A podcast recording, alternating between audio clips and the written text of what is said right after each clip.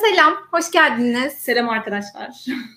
Bugün yayında böyle biz şey yüz yüze de sohbet etmeye fırsat bulduğumuz ve çok böyle zamanın nasıl geçtiğini sohbet ederken anlamadığımız birini ağırlıyoruz aslında.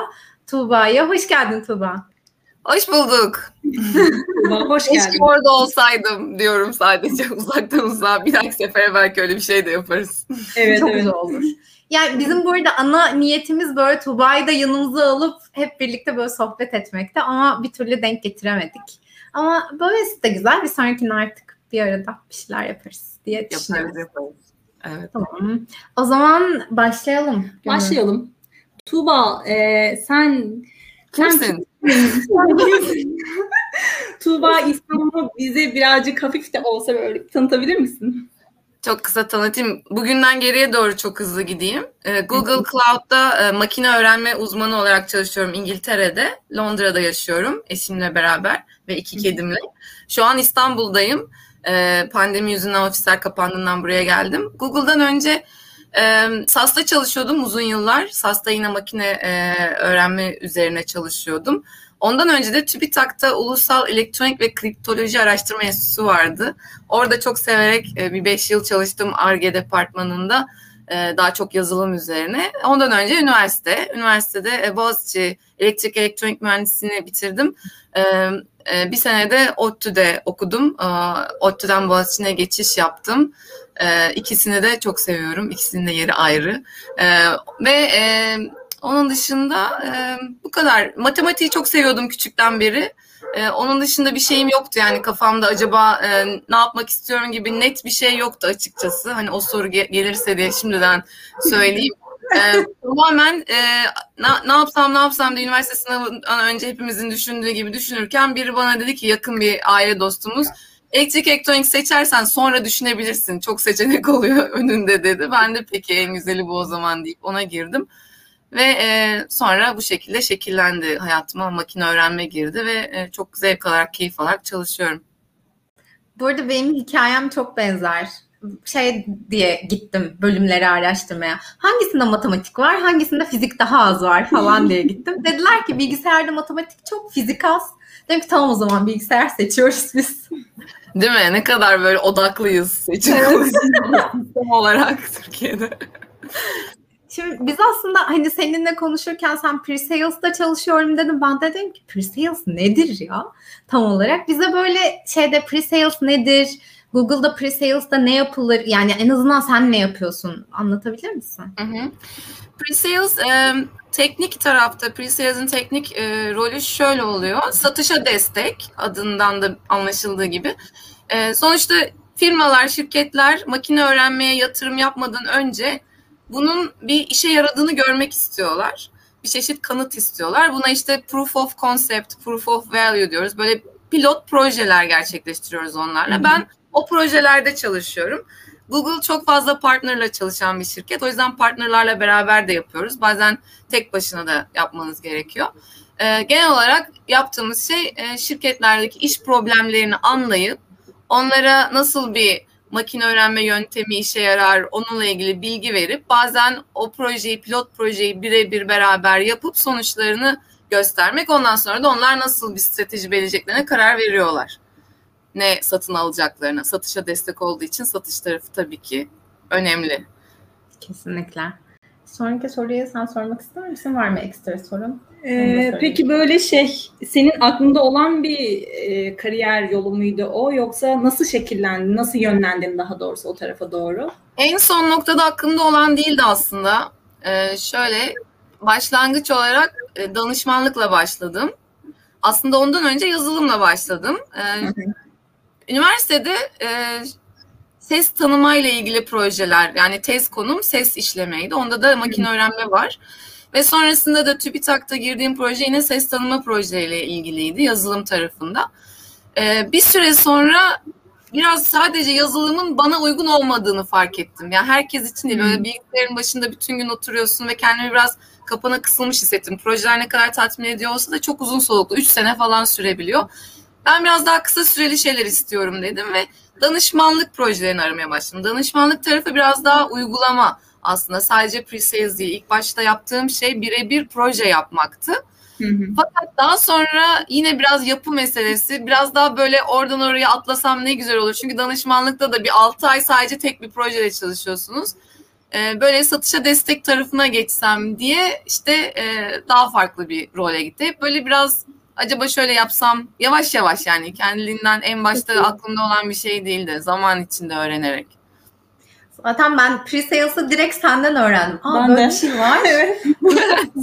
falan. E, güzelmiş bu Çok falan. Çok güzel bir şey aslında. Çünkü ben pre-sales'e geçişim şöyle oldu. SaaS'ta e, çalışırken küçük bir ekiptik. O yüzden her şeyi yapıyorduk. Yani eğitimi veriyorsunuz, satışa destek oluyorsunuz. Sonra uygulamayı da projede kendiniz yapıyorsunuz. O yüzden sorumluluk çok fazla. Bir arkadaşımla bir konferansta çalışırken işte konuşurken bana dedi ki işte ben satışa destekte çalışıyorum. Bir şeyleri gösteriyorum ama sonra umurumda değil. Kim nasıl yapar onu pek düşünmüyorum falan. Ben böyle dedim ne kadar güzel bir iş bu.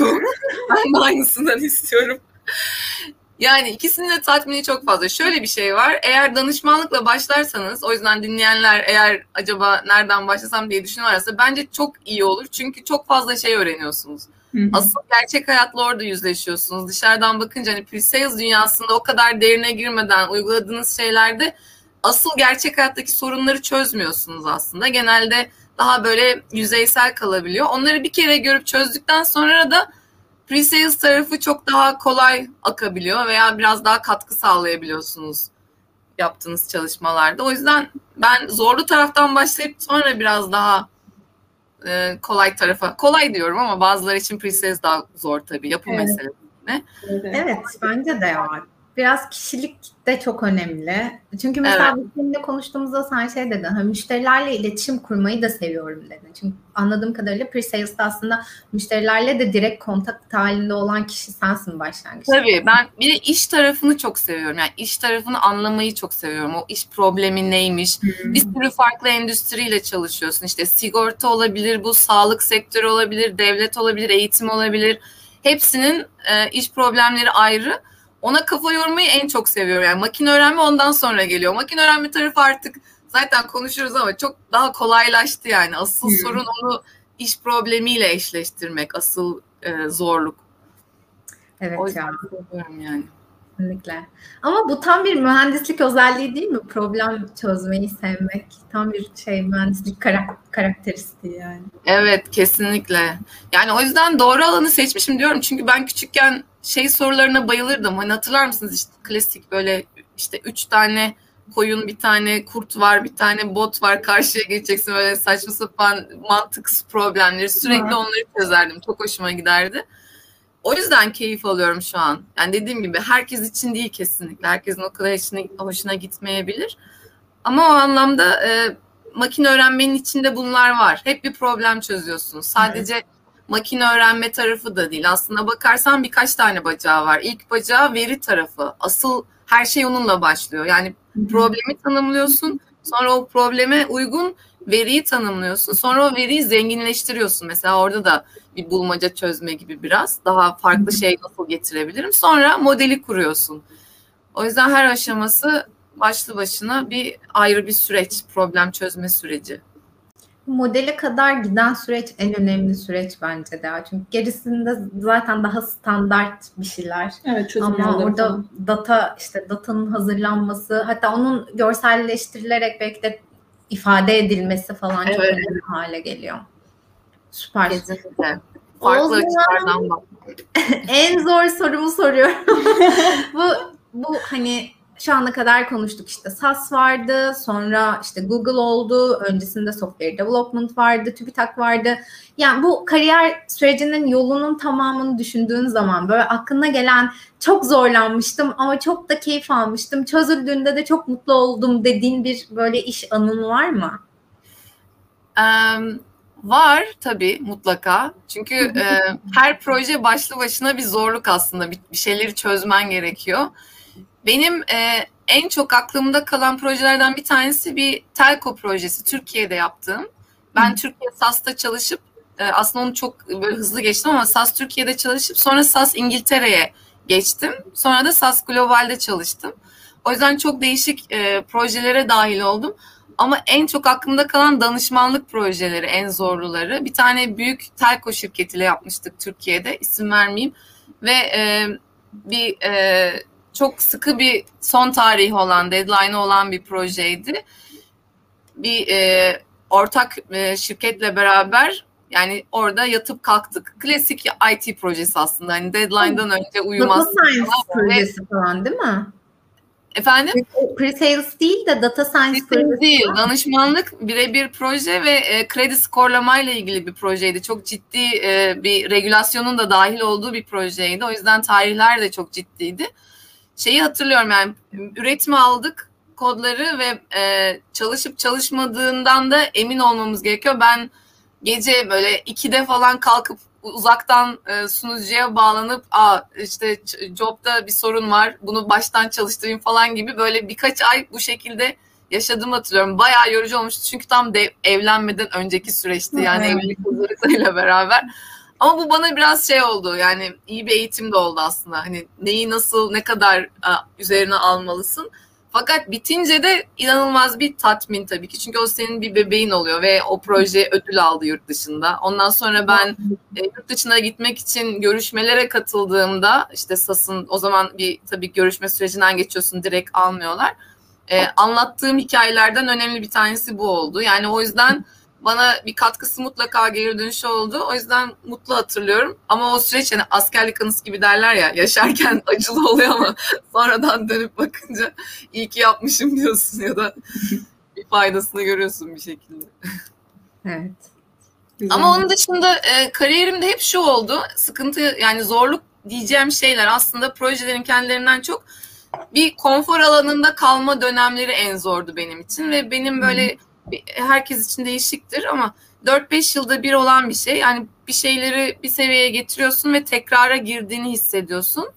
Onu sıkıştığım anlar daha çok oldu. Hep böyle takım mı değiştirsem genelde öyle oldu ya da işte proje değiştirme, biraz daha işte danışmanlıktan pre-sales'e geçme gibi şeylerle onu aşmaya çalıştım. Yani onu hissetmeye başladığım anda artık algılarımı açıyorum.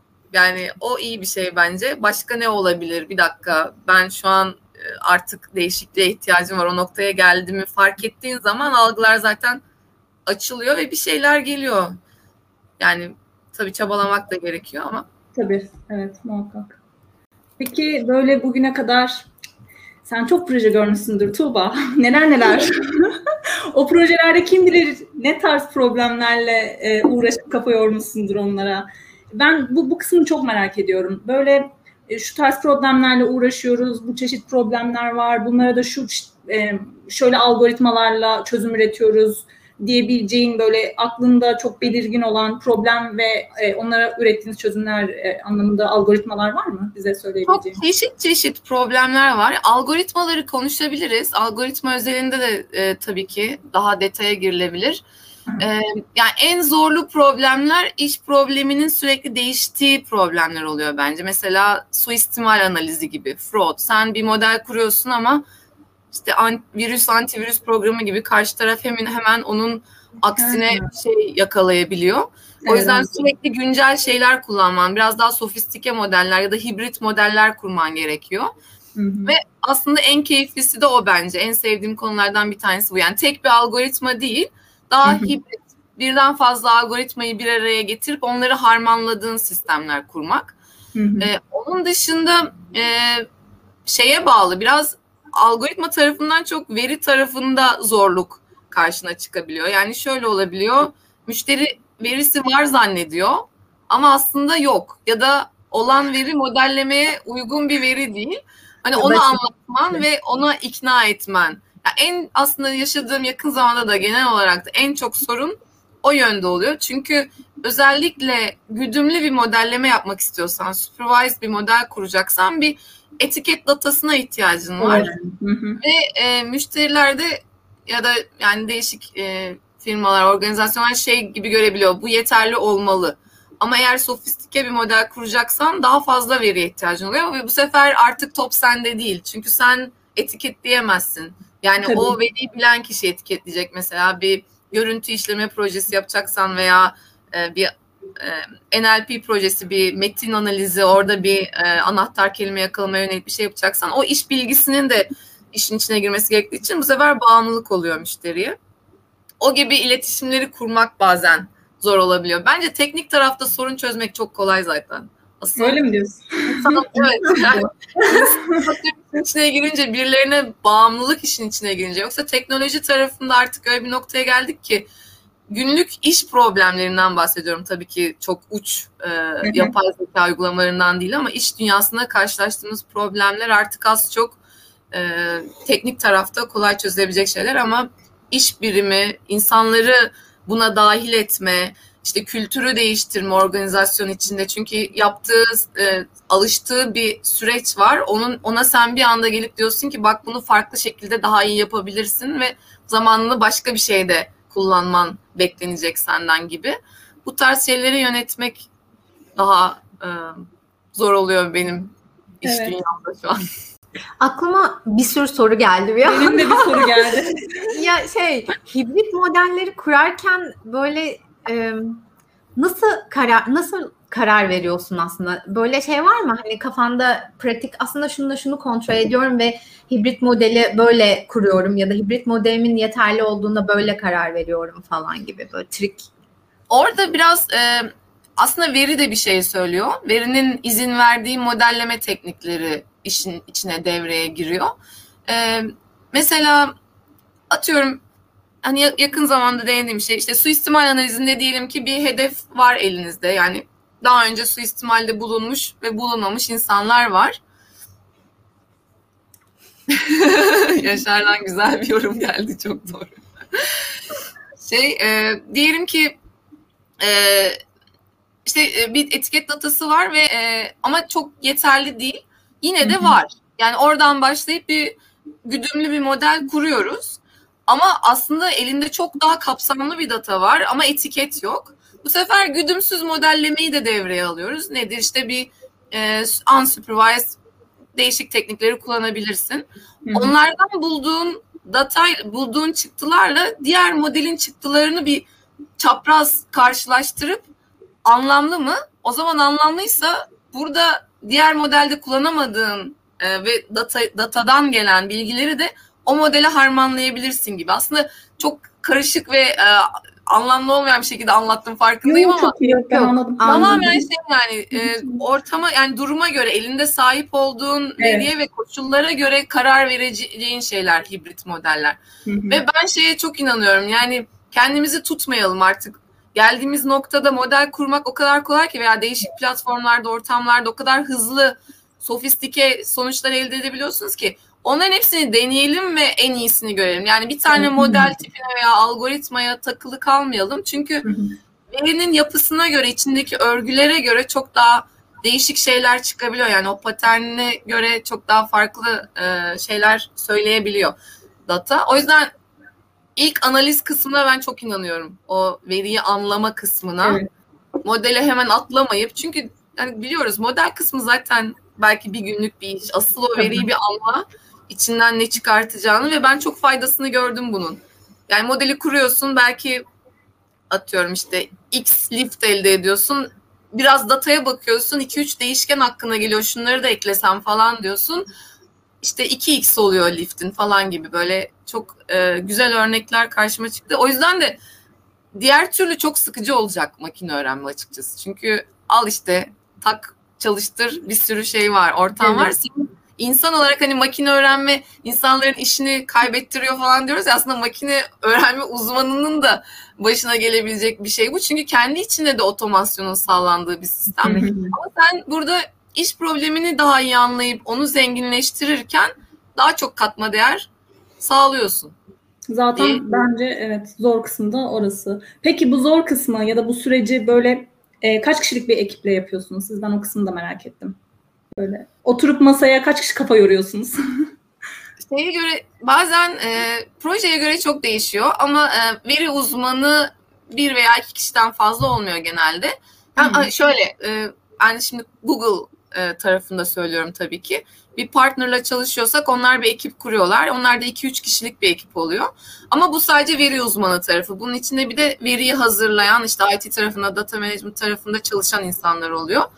Ee, o yüzden bir proje ekibi yani hani 4-5 kişilik bir ekip olabilir şeye göre değişebiliyor. Bazen böyle çok tatlı projeler geliyor. İşte ne bileyim sağlık sektöründe herkesin böyle daha kendine yakın hissedeceği projeler. O zaman aramızda paylaşamıyoruz. Daha çok insan oluyor Google'dan. ben de geleceğim, ben de bir bakayım ucundan tutayım falan. Bazen finans sektörü sen al ya falan diyoruz.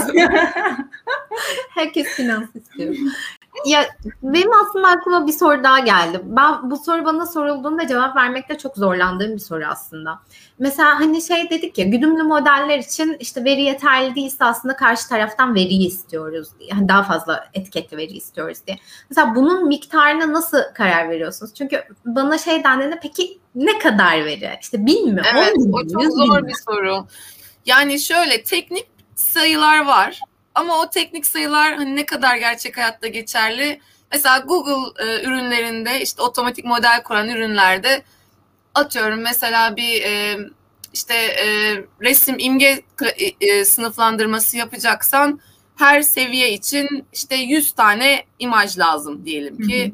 işte öyle bir sayı var. Bu arada imge sınıflandırması için gerçekten bu yeterli oluyor. Çünkü arkada transfer learning algoritmaları çalıştığı için zaten bir veri tabanı üzerinden kurulu algoritmaların üzerine Google modeli kurduğu için genelde çalışıyor ama ne bileyim bir NLP modelinde veya daha e, tablo data, daha e, işte yapısal data üzerinde çalışırken aynı şey olmuyor.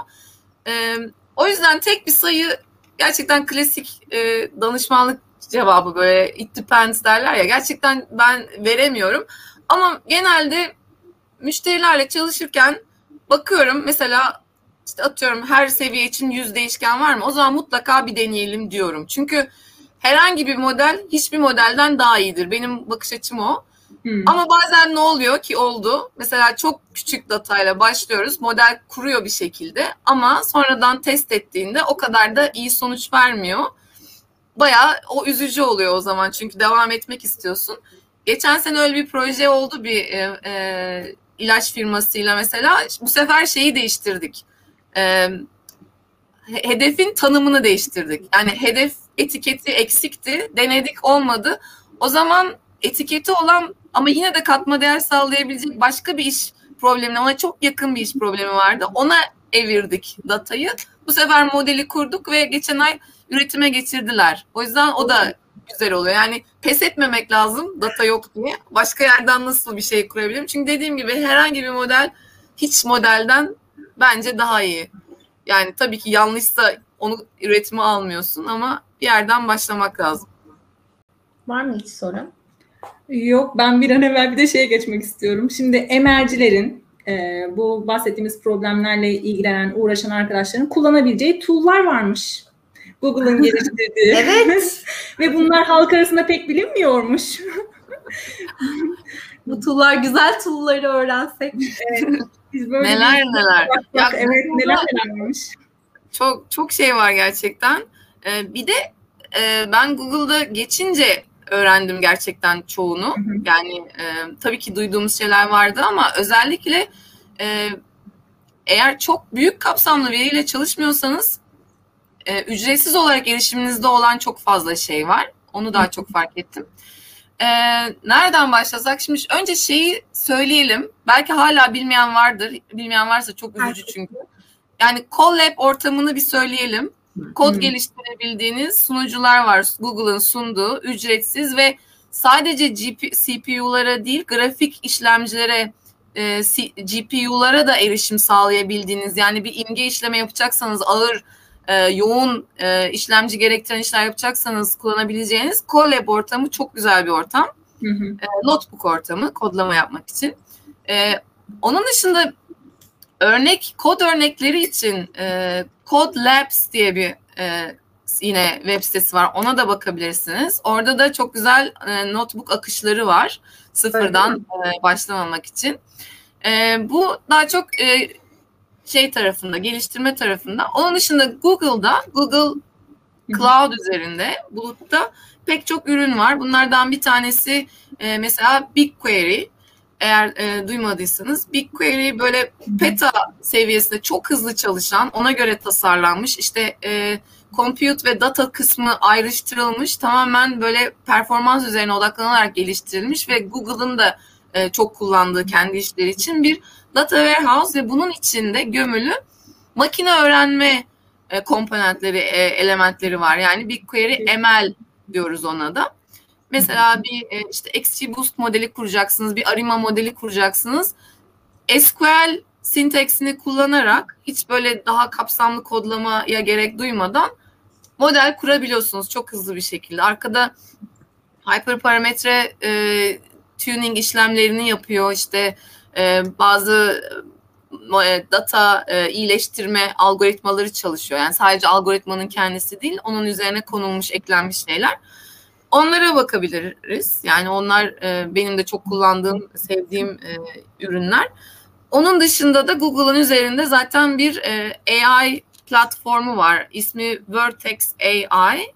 E, yakın zamanda bir e, değişime geçti ismi. Çünkü çok yeni özellik geldi. Standartlaştırılmış şekilde makine öğrenme algoritmaları var üzerinde. Şöyle istersen bir notebook ortamı açıp bu Vertex Notebooks üzerinde aynı Colab gibi ama Google servislerini kullanarak e, istediğin modeli kurabiliyorsun. Google servislerini kullanarak derken yani Google'ın kendi servislerine erişimin oluyor oradan ama aynı zamanda ne bileyim TensorFlow paketi getirebilirsin. Hı hı. Python, Scikit-learn istediğin paketleri getirip onların üzerinde çalışabilirsin. Ya da Google'ın e, otomatik modellerini kullanabilirsin. Otomatik modeller çok güçlü ve e, dene, denemek için de dediğim gibi böyle e, belli şeyler var, kriterler var. Şu kadar saat kullanırsan ücretsiz falan. Bir de ilk Google e, konsol üzerinde bir hesap açtığınızda 300 dolarlık kredi veriyor. Onu zaten tepe tepe kullanmak lazım, kaçırmamak lazım bence. Bir Kesinlikle. proje üzerinde çalışıyorsanız. E, AutoML'de hem e, işte imge işleme hem metin işleme hem işte e, normal yapısal data üzerine çalışma veya video işleme için otomatik geliştirilmiş modeller var AutoML Vertex AI üzerinde e, konumlandırmış. Onlara e, bakabilirsiniz. Onun dışında çok fazla şey var. Say say bitmez. Çünkü sadece makine öğrenme kısmına da bakmamak lazım. İşte bir e, gerçek zamanlı veri analizi yapacaksan onunla ilgili streaming e, elementleri var, ürünleri var. E, ama hepsi Google'da var. Google'layın.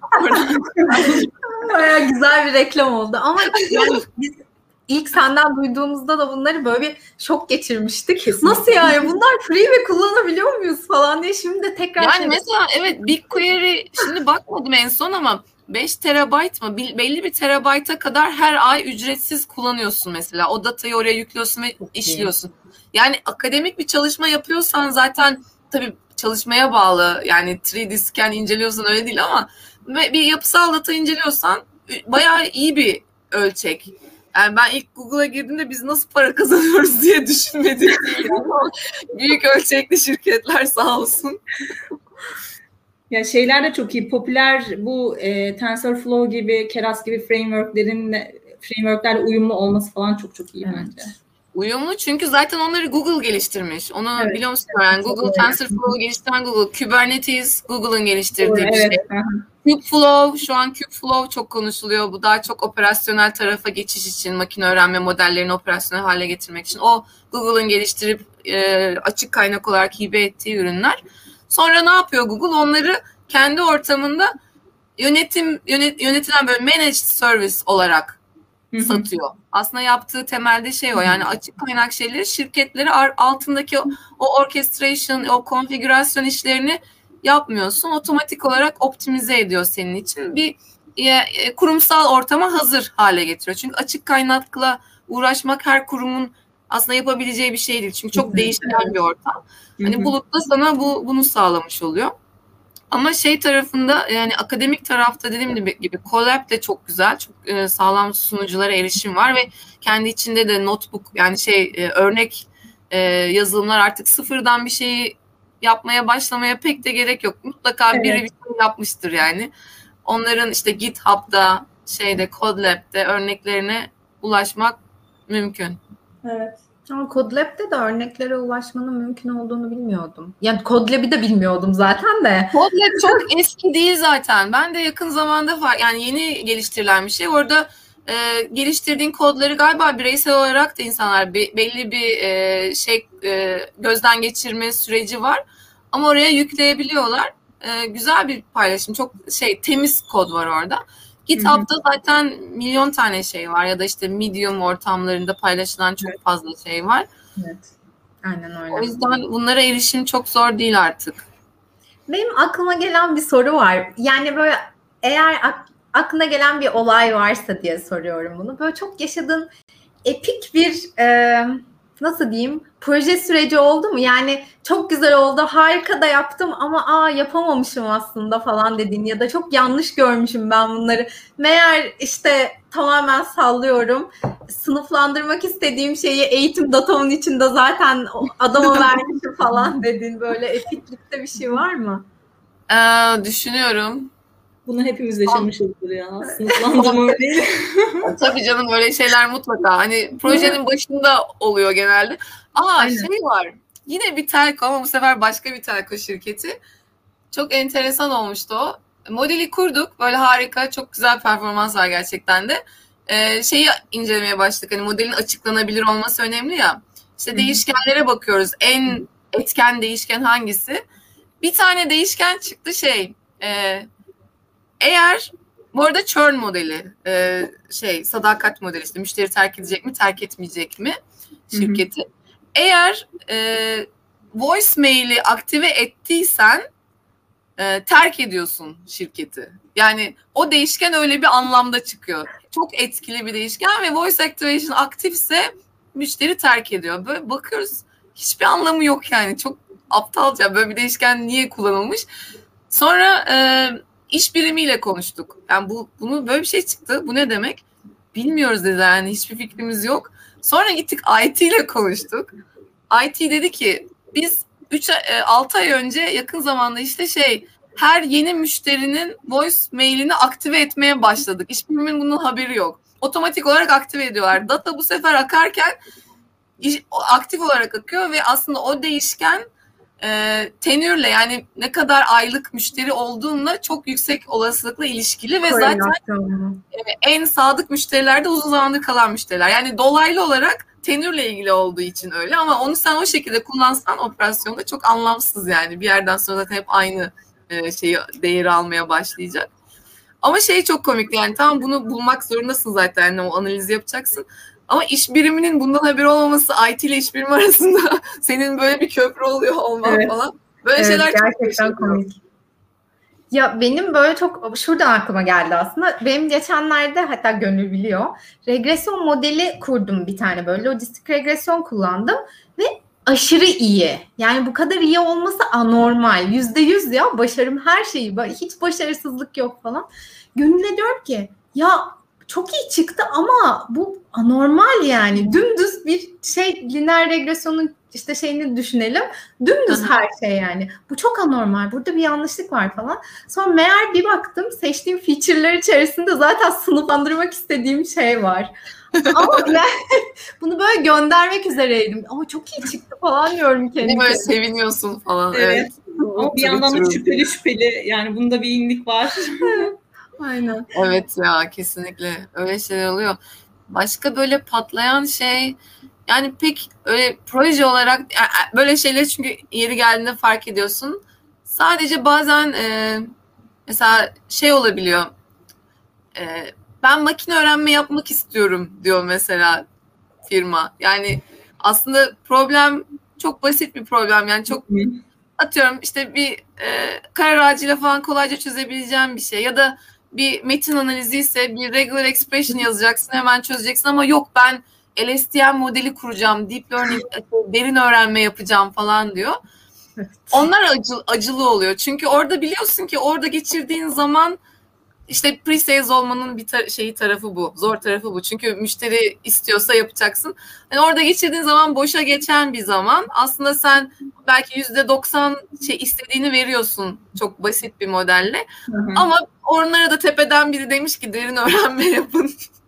ya da işte başkası derin öğrenme yapıyor biz niye yapmıyoruz demiş falan. o yüzden e, o o şeyler acılı oluyor biraz. Yani yapıyorsun ama sonra da kullanmıyorsun. Yani sonradan kullanılmayan model en kötüsü. Özellikle evet. danışman için. Yani benim öyle birkaç şey başıma geldi. Mesela Hı-hı. yönetim seviyesindeki insanlar dahil olmuyorlar projeye. Sen daha çok iş birimleriyle veya daha e, teknik ekiplerle çalışıyorsun. Ama karar verici onlardan biri zannediyorsun veya o iş biriminden biri zannediyorsun ama karar verici daha tepede. Ve e, en son aşamaya geldiğinde diyebiliyor ki ben bu modeli ihtiyacım yok ben bunu kullanmayayım. Hani o bütün emek, bütün ekibin ortaya koydu saatlerce, aylarca uğraştı. Tamam sen paranı alıyorsun bana ne diyebilirsin ama o biraz can sıkıcı oluyor. Son anda birinin dahil olup en başta dahil olmayan Hı-hı. ben bunu istemiyorum demesi can sıkıcı oluyor. Öyle birkaç şey yaşadım ben. E, Türkiye'deki projelerde özellikle. Ama e, evet olmaması için de daha çok bu sefer şey yapıyorsun, algılarını açıyorsun. Bir dakika bundan herkesin haberi var mı? Bu kesinlikle evet. dediğiniz şey mi? diye. Teknik, teknik ekip mi bu istekle geliyor? Ben hep şey diye düşünüyorum. Yönetici tarafı hani hep şey diyorlar ya yapay zeka çok tatlı, derin öğrenme mükemmel falan. Öyle o yüzden yönetici tarafı bu taleple geliyordur diye düşünmüştüm hep. Değişiyor aslında. Baz, bazen öyle firmanın kültürüne bağlı. Bazen e, daha az hiyerarşik firmalarda özellikle iş birimleri problemi, IT bile değil, iş birimi diyor ki benim böyle bir sıkıntım var, ben bunu çözmek istiyorum seni çağırıyor. Sonra sen IT'yi de dahil ederek iletişimi kuruyorsun. Bazen tepeden inme biri diyor ki hadi makine öğrenme yapalım. Sen iş problemi arıyorsun. Hani ne çözsek acaba bir şey. Bunlar en saçmaları.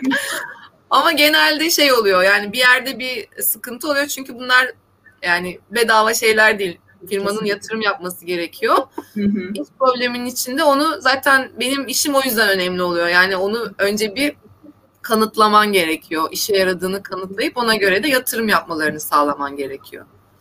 Peki Google'da hiç böyle şeylerle karşılaşıyor musunuz? Yani ne bileyim işte yine de bu hani Türkiye'de daha çok yaşadım dedin ya. Yine de derin öğrenmeyle yapalım. Hmm. Hadi LSTM ile çözelim falan gibi. Yani şöyle Google'ın içinde yani Google müşterileri arasında e, böyle makine öğrenme yapalım hevesi oluyor ama biraz daha az açıkçası karşıma çıktı. Yani motivasyonun böyle olduğu. Ama şey oluyor mutlaka. Hani Google'ın şeyini kullanalım. Google'da daha çok şu başıma geliyor. Google'sın ya hani algoritmayı geç bana data ver. Google'ın datasını ver. Öyle bir şey yok. Yani hani Google'la proje yapacağım. İşte cloud'da, bulutta teknoloji kullanacağım. Bir de Google'ın datasını kullanacağım. Sana verebileceğim bir data yok benim öyle bir müşteriyle paylaşıp. vermiyor muyum diyor. Evet, eğer öyle bir şey varsa ben de müşteriniz olmak istiyorum. Buradan ilan ediyorum. data paylaşıyorsanız parası neyse ben bir şekilde toplarım. Keşke ya çok zevkli olurdu ama. Öyle Kampanya şey başlatırım. Hayal kırıklığı o oluyor gerçekten. Yani Google'ın böyle sunduğu e, public açık kaynak datalar var tabii ki ama onu istersen al Google'da kullan, istersen işte başka platformda evet. kullan. Çok şey değil. Bir de data, data sets var hakikaten Google'ın sunduğu. Ben onu da yeni keşfettim. Evet şey var e, search gibi dataset search Hı-hı. yapabildiğin linkler var. Yani şey platform var. E, bir de BigQuery'nin içinde Public Data Sets diye bir e, böyle şey var, kütüphane var. İçinde bir sürü oradan buradan alakasız güncellenen data setler var. Onlar da bayağı güzel. Yani çok ilgisiz ama mesela Wikipedia'da hangi siteye kaç kişi ne zaman linkle şey e, kliklemiş onları falan gösteren bir şey var. Ben onun terabyte üzerinden ne kadar hızlı search olduğunu göstermek için kullanıyorum bazen. Hangi siteden ne şey popüler falan. O tarz böyle değişik e, datalar var. Ama tabii ki gerçek hayatta uygulanabilecek data bulmak o kadar kolay değil. Kaggle onun için güzel bir kaynak. Evet. Özellikle akademik çalışıyorsan ama orada evet. da eğer e, yani kurumsal anlamda kullanmak istiyorsan bayağı bir kısıtlamalar var. Eğitim hmm. amaçlı kullanıyorsan sıkıntı yok ama genelde.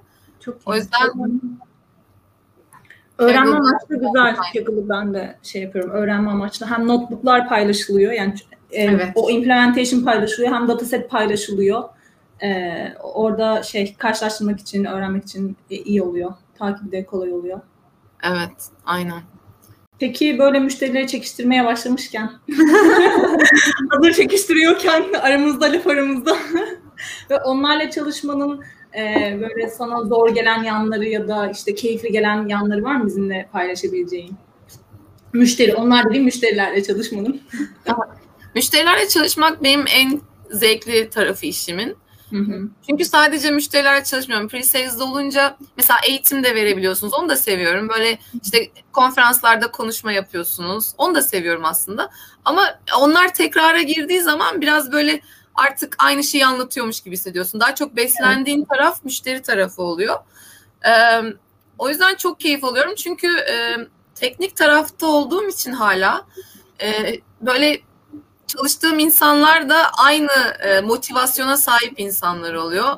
İşte bir problemle karşılaştığında beraber kafa yoruyorsun veya işte bir çözüm ürettiğinde birlikte oturup e, işte değişik açılardan bakıyorsun falan. O, o birlikte çalışma kısmı hoşuma gidiyor. E, zorlandığım kısım daha çok şey politika devreye girince hani kurum içinde mesela öncelikler değişiyor bir anda. Sen böyle güzel güzel giderken bir anda biri diyor ki yok artık bunu askıya alacağız, şunu yapacağız. Bir anda yönün değişiyor. Hı hı. Veya e, departmanlar arası çekişmeler olabiliyor. İşte birinin işine yarayan model öbürünün e, bir çatışma yapıyor falan. Onlar yani bizim kontrolümüzde olmayan şeyler. Yani teknik tarafta değil ama ister istemez çalışmanın e, gidişatını engelleyen şeyler. Hı hı. E, ama o yüzden yani teknik tarafta e, çok şey e, keyif alarak çalışıyorum. Genelde düşündüğüm zaman beraber çalıştığım partnerler da e, Google'da şey gibiler artık yani tek bir takım oluyorsun. Onlar da mesela müşterinin ekibiymiş gibi partner değil de on, orada yatıp kalkıyorsun çünkü o projeyi yapınca ben de SAS'tayken öyleydim artık o firmanın çalışanı oluyorsun. Biz de onların e, ekibine entegre olmuş oluyoruz. O yüzden güzel bir e, takım ruhu oluyor. Yeni Şu ana kadar... da tanışmaya sebep oluyordur tabii bu. Evet, evet, evet, aynen. Tabii ki çok derin bir iletişim, ilişki kurmuyorsun. Özellikle remote'da hani bir araya da gelmediğin için. Evet. Ama atıyorum işte bir şey oldu mu e, ülkenle ilgili falan açıp hemen soruyorlar her şey yolunda mı falan. O tarz bir e, paylaşım oluyor mutlaka veya işte Euro Cup'ta bayağı mutluydular Türkiye'den sonra çok iyi gitmedi ama öyle muhabbetler dönüyor. Ee, şey tarafında bazen de tabii bu her zaman e, böyle muhteşem değil. Bazen de öyle projeler oluyor ki ekip partnerın kültürü eğer öyleyse her yaptığını kendine saklamak istiyor. Seni böyle bir rakip gibi görebiliyor. Ee, o yüzden seni böyle işin içine sokmayıp sadece ihtiyaç duyduğu şeyleri sormak için kullanabiliyor. Şurada şöyle bir şey denedim olmadı niye acaba falan hani çok detay vermeden. Onlara ben artık parmağımın ucuyla bakıyorum. Yani şey yapmıyorum. Çok içine girmiyorum. Çünkü çok e, keyifli projeler olmuyor. Sen böyle bir toolmuşsun gibi. Hani ekibin içine o dahil olmasa ya da iş problemine dahil olmadığın zaman aynı keyfi almıyorsun. Hı hı. Çok monitör etmeye çalışıyorlar mı? Çünkü ben de bazen böyle bir his aldığım oluyor her şeyi kontrol etmek istiyorlar. Hiçbir şeye güvenmiyorlar. Hmm. Niye peki ben de sana güveneyim falan hissi oluşuyor hmm. bende de öyle durumlarda. Müşterilerde mi? Proje yaparken. Evet. Yani özellikle en başta o oluyor. Böyle bir şey de biraz daha az açıkçası. Google'ın bir marka ismi olduğu için Google'dan gelen insan yani yeni mezun bile olsa sanki her şeyi biliyordur gibi bir yanlış bir algı var aslında. Ama e, zamanla Firmaya göre de değişiyor tabii ki. Karşılaştığın kişiye göre de değişiyor. E, zamanla onu e, bir kazanman gerekiyor. Yani onun bir şeyi var. E, bir e, yoldan gitmen gerekiyor. Hemen birdenbire o şey olmuyor. Rahat e, çalışma ortamı olmuyor. O konuda çok haklısın. Ama genelde şey e, sorun olmuyor yani çabuk aşılıyor onlar beraber çalışınca. Peki aslında bir şey daha soracağım. Ortalama bir proje hani senin hazırladığın proof of concept diyelim ki ne kadar zaman alıyor? Normalde hani şey dedik ya işte diğer tarafta 6 ay falan sürüyordu minimum falan hı hı. gibi. Ortalama e, proof of concept e, şöyle mesela bir ayda da bir şey sunabilirsin. Özellikle data tarafı zaten hazırsa ve az bir işlem yapman gerekiyorsa işte onların ortamını hazırla, veriyi üzerine hazırla, modeli kur, sun falan. Ee, bir ay da olabilir. Eğer daha böyle kapsamlı bir şey görmek istiyorlarsa, iş problemi biraz daha komplike ise e, 6 ay süren aslında pilotlar da olabilir. İşte 3 ay da sürebilir ama bence 2 ay, 1, bir, 1,5, 2 ay ideal bir süre. Daha fazla uzadığı zaman ben sıkılıyorum en azından. ben zaten şeyi kulağıma küpe yaptım. Sen hani seninle konuşmuştuk ya işte böyle 4-5 yıllık sen burada da söylediğin için rahatlıkla söyleyebiliyorum. 4-5 yıllık süreyle ben sıkılabiliyorum. O zaman da işte saatime bakıyorsam eğer mesai bitiyor mu diye. Diyelim ki işte şey diyorum tamam vaktim gelmiş diyorum aslında. Şimdi ben de şey, kendimi böyle yokluyorum. Saate bakıyor muyum ben sürekli acaba? evet ya arada bir bakabilirsin bu arada akşam planın var. Ay. Ya ben şeyi merak ettim. Belki de biz şu an akademik tarafta koşturuyoruz ya bir yandan. O, o, o yüzden bunu merak ettim. Şimdi mesela hibrit modeller falan da oluşturuyor musun da bir tık önceye gidiyorum. Orada böyle literatüre katkıda bulunduğunuz e, durumlar oldu mu, zamanlar oldu mu? Böyle hani aa bu aslında daha önce hiç e, çözüm olarak sunulmamış ama biz fark ettik ki şu tarz problemlerde çok iş görüyor, onlara cevap oluyor gibi böyle e, yeni bir çözüm yolu sunduğunuz ya da bunu bir konferansta e, anlattığınız oldu mu böyle durumlar? Oldu. Şöyle e, mesela SAS'tayken SAS'ın Google'ın da öyle her sene e, teknik konferansları oluyor. Orada e, bir proje geliştirdiyseniz o projede de, de yani bunlar bu arada çok böyle akademik inanılmaz e, çığır açan şeyler olmuyor tabii ama Hı-hı. bir proje proje bir iş problemine bir yaklaşım yeni bir yaklaşım onu e, dokümente edip sunuyorsunuz. Ben de onunla ilgili Mesela e, bir tane makalede şey sunmuştum işte e, SAS modelleriyle birlikte açık kaynak işte Python modellerini de bir arada çalıştırıp o ikisini hmm. de monitörleyebildiğin bir hmm. işte ikisini birleştiren bir ortam. Biraz daha teknik iş probleminden uzak öyle bir şey sunmuştum. Mesela e, yakın zamanda bu tamamen şans bu arada. Çok fazla emek vermedim ama e, yine SAS'tan tam ayrılmak üzereyken e, orada bir, İngiltere'deki bir üniversiteyle bir e, çok güzel bir projeye başlamıştık. Ee, şey tümör verisini analiz ediyorsun. Çok e, zor bir veri çünkü çok e, şeyi çözünürlüğü çok yüksek. E, bir imge işleme e, sınıflandırma projesi. Ee, onun e, onu analiz ederken de işte belli modeller kuruyorsun, teknikler geliştiriyorsun. Ben o projeyi başladım. İşte belki 6 ay falan sonra o, uzun soluklu bir projeydi bu arada yani e, pre-sales gibi değil. Ama bu tarz güzel projelere her zaman destek oluyorsun. E, ayrıldım SAS'tan. Sonra geçen ay e, bir mesaj geldi işte oradaki doktor arkadaştan projeden sorumlu ve iki ay içinde veri bilimcisi oldu resmen gözümüzün önünde. İşte e, akışı e, şey yapmış, dokümante etmiş, e, süreçleri falan güzel anlatmış ve e, bir e, şeye e, makale olarak sunmuş bir konferansa. Okay. Benim de ismimi yazmak istedi mesela ister misin dedim. Tabii ki isterim hak ediyorum tabii ki isterim. Mavi teklifini mi? falan diye. Çok hoşuma gitti. Yani bu tarz çalışmalar oluyor. Bir iş problemine dayalı da olabilir. Hı-hı. Sıfırdan kurduğum bir şey. Özellikle bu mesela sağlık konusunda çok fazla yenilik var veya teknik olarak bir şeyleri hızlandıran, otomatize eden, kolaylaştıran bir e, paper bir şeyde, bir makale de olabilir. Çok güzel. E, çok sık olmuyor yani ama oluyor yani üzerine çalışan şeyleri e, bu şekilde e, sunabiliyorsun.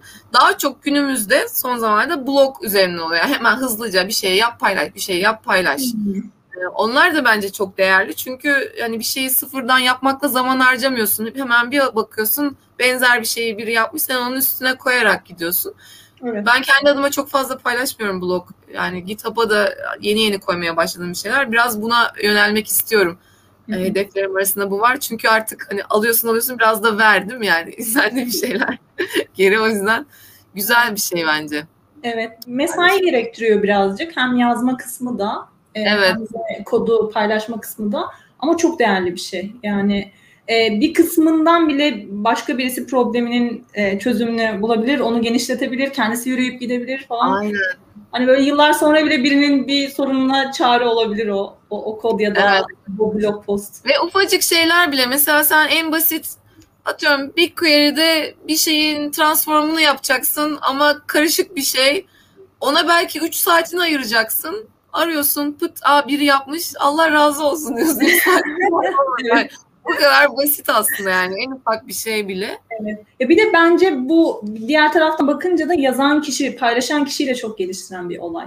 Bir başkasına evet. anlatma, kendi içinde ya tabii ki de siz ekip içinde zaten bir başkasına ya da müşteriye anlatma gibi bir gayeniz var.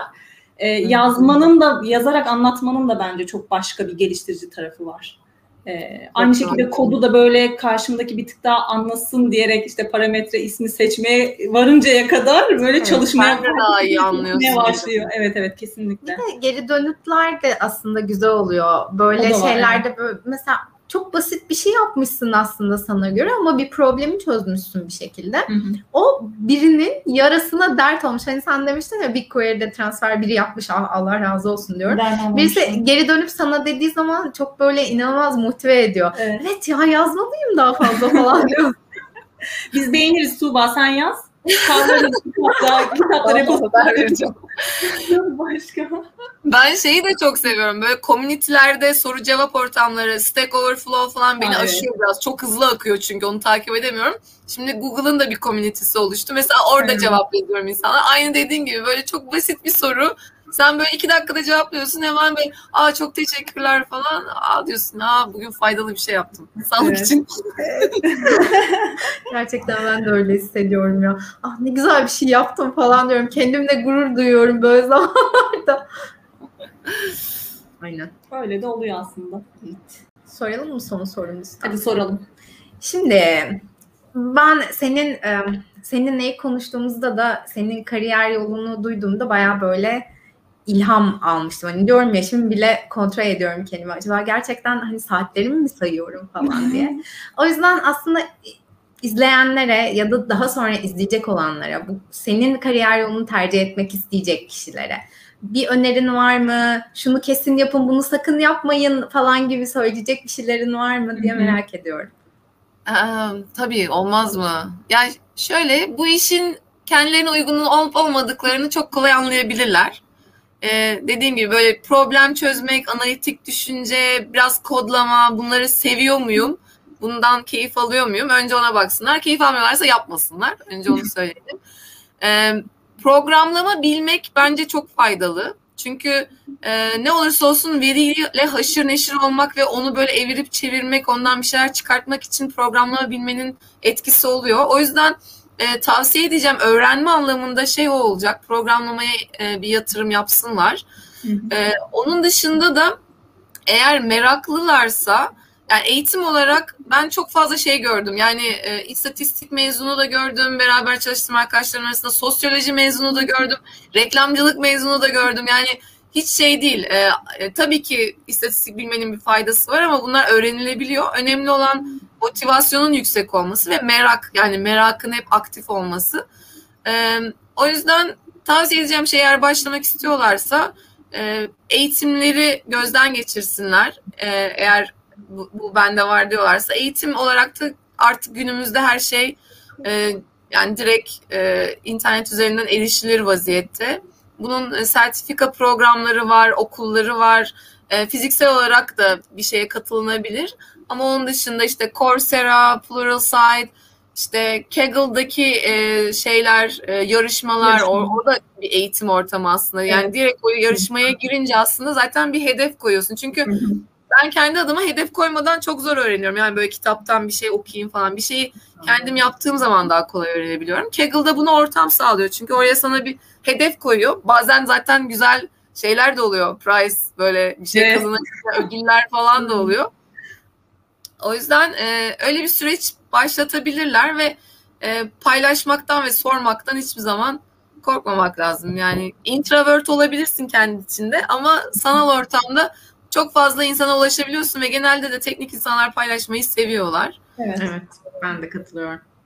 Ya ben geçenlerde şöyle bir şey, bir arkadaşım e, matematik mezunu, hani sen de dedin ya çok farklı alanlardan mezun insanlar var. Matematik mezunu hatta doktoralı falan ve böyle bayağı da bir eğitim aldı hani data science ile ilgili işin içerisine girebilmek için ama hala kendimi eksik hissediyorum hmm. diyorum bir şekilde. Hmm. O böyle bir international üniversite bulmuş. Parasını veriyorsun. Sana bayağı üniversite eğitim veriyorlar. Bir de üstüne Almanya ve İngiltere'de geçerli diploma veriyorlar falan.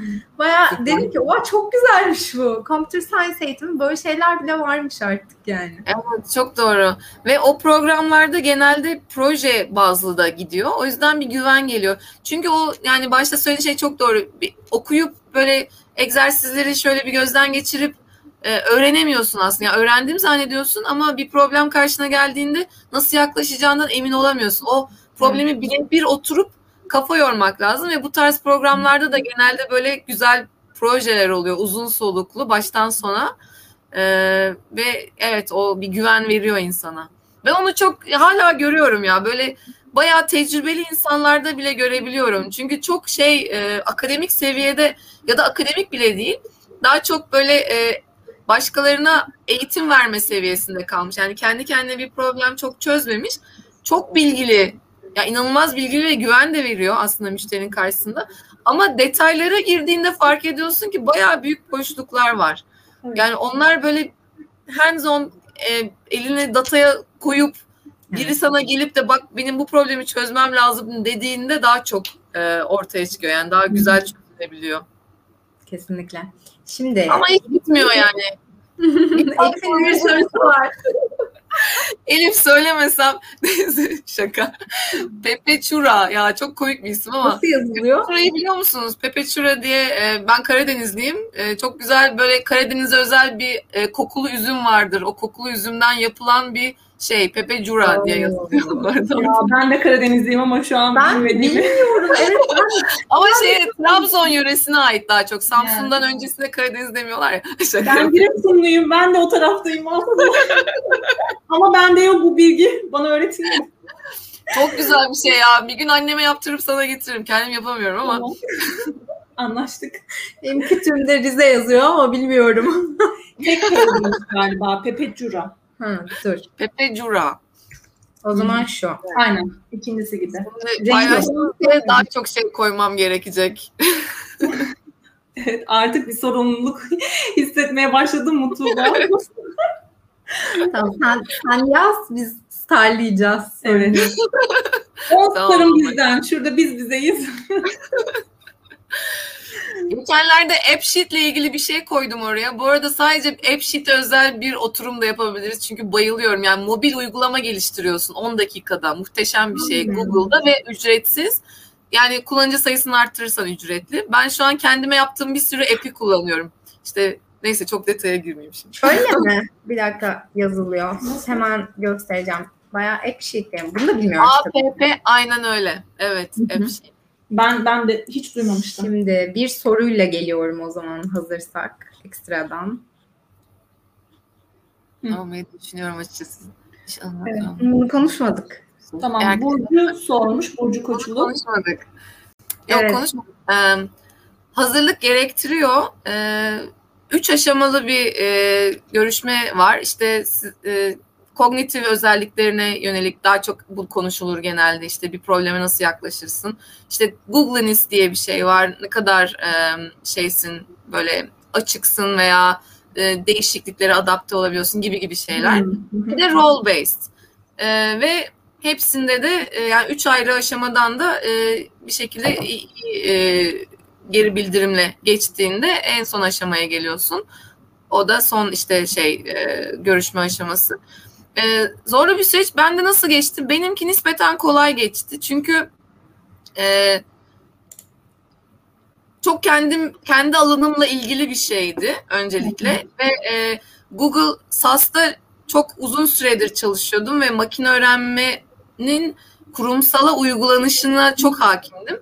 Google'da da e, cloud tarafı yeni gelişiyor hala büyüme aşamasında e, ve e, kurumsalı bilen yani kurumsalda proje yapmış insanlara ihtiyaçları olduğu için de ve global tecrübemde olduğu için e, nispeten kolay geçti ama e, role based olan da yani böyle bir teknik olan da en çok zorlandım açıkçası. Diğerleri daha şeydi böyle eğlenceli e, karşılıklı görüşme şeklinde. Teknik olan da böyle çok algoritmaların detaylarını sordular e, ve cevap verdim ama rahatsızlık hissettim. Çünkü ben e, şeyim ben iş tarafını çok seviyorum diyorum ya bana işte evet Yani XGBoost'taki e, Leaf'in bilmem ne parametresi işte yok Deep Learning'deki Hidden Unit'in bilmem nesi bunları yani biliyorum konsept olarak ama ben bunlarla uğraşmak istemiyorum. Çünkü artık otomatik oluyor her şey diyorum ya Google'daki ürünler o yüzden çok güzel.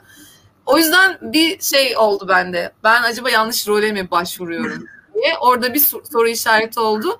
Ve e, interview'dan sonra, görüşmeden sonra zaten hemen insan kaynaklarıyla beni aradı ve dedim ben galiba yanlış anladım sizi falan. Hani ben böyle daha holistik bakmayı seviyorum, iş problemine odaklanmayı falan.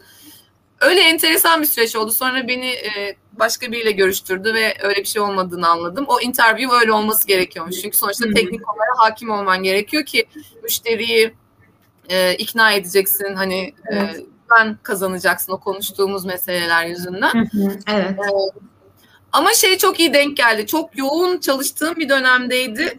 E, o yüzden e, çok fazla kendimden e, örnek verebildim. Yani bu çok önemli görüşmede. Kendinize ait hikaye anlatabilmeniz. Mesela bir soru diyelim ki işte müşteri e, bir şey istiyor ama yapamayacaksın nasıl hayır dersin gibi. Ben zaten onu o sabah yaşamışım. Benzer bir örneği bir telefonda bir İskandinav ülkesinde bir müşteriyle. Çok güzel denk geldi ona. Hemen çat ya bunu bana mı soruyorsun daha iki saat önce yaşadım deyip onu anlattım. Bunlar böyle... Nasıl hayır dersin gerçekten? zaten hayır demiyorsun. Yani benim cevabım oldu. Hayır demiyorum ama önce yapılması gereken şeyin ne olduğunu anlatıyorum. Sonra da işte e, ama tabii ki sizin şeyiniz aynı demin bahsettiğim hani aslında bu örnek zaten o örnek. Hani demin bahsettiğim ya regular expression'la çözebileceğim bir şey ama o diyor ki ben LSTM istiyorum.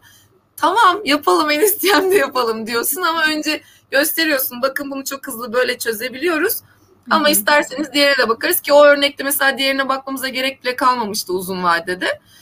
Mesela bu örneği vermek ne oluyor? Karşındakine tamam bu zaten bir şeyler yapıyor. Hissi veriyor ama böyle daha e, motomot örnekler verdiğinizde veya tam iç, iç, içselleştirmediğiniz bir şeyi kendi hikayeniz gibi anlattığınızda anlaş, anlaşılıyor karşı tarafta. Hı hı. Çünkü bu sefer detay bir soru soruyorlar. Orada da hazırlıksız yakalanabiliyorsunuz. Birkaç tane görüşmeye ben de girdim. Yani e, diğer tarafta oturarak. Orada onu görüyorum. Yani o yüzden CV'ye yazdığınız şeylerin gerçek olması çok önemli. Çünkü e, önemli olan bir tane bir şey yapmışsan bile o senin hikayen olsun. Onu güzel parlat ve anlat. Ama böyle e, etrafta buzzword böyle kullanılan şeyler var. Onları da ekleyeyim dediğinde karşı tarafta daha şey karşılanıyor. E, güven kaybına sebep olabiliyor. E, benim CV'm bir sayfaydı mesela. Çok özet bir şey göndermiştim. Tamamen bu anlattığım işte yazdığım makaleler, konferanslar, projeler onun listesi. Çok e, detay bir şey vermemiştim. Mesela Google'da o da güzel.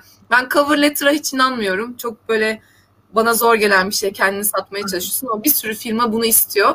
Mesela Google'a başvururken e, CV'ni yüklemen gerekiyor. Altında da cover letter kısmı var. Orada şey demişler. Yani işiniz zaten size anlatıyor. İstiyorsanız ama cover letter'da yükleyin. Yani resmen yüklemesen de olur hani.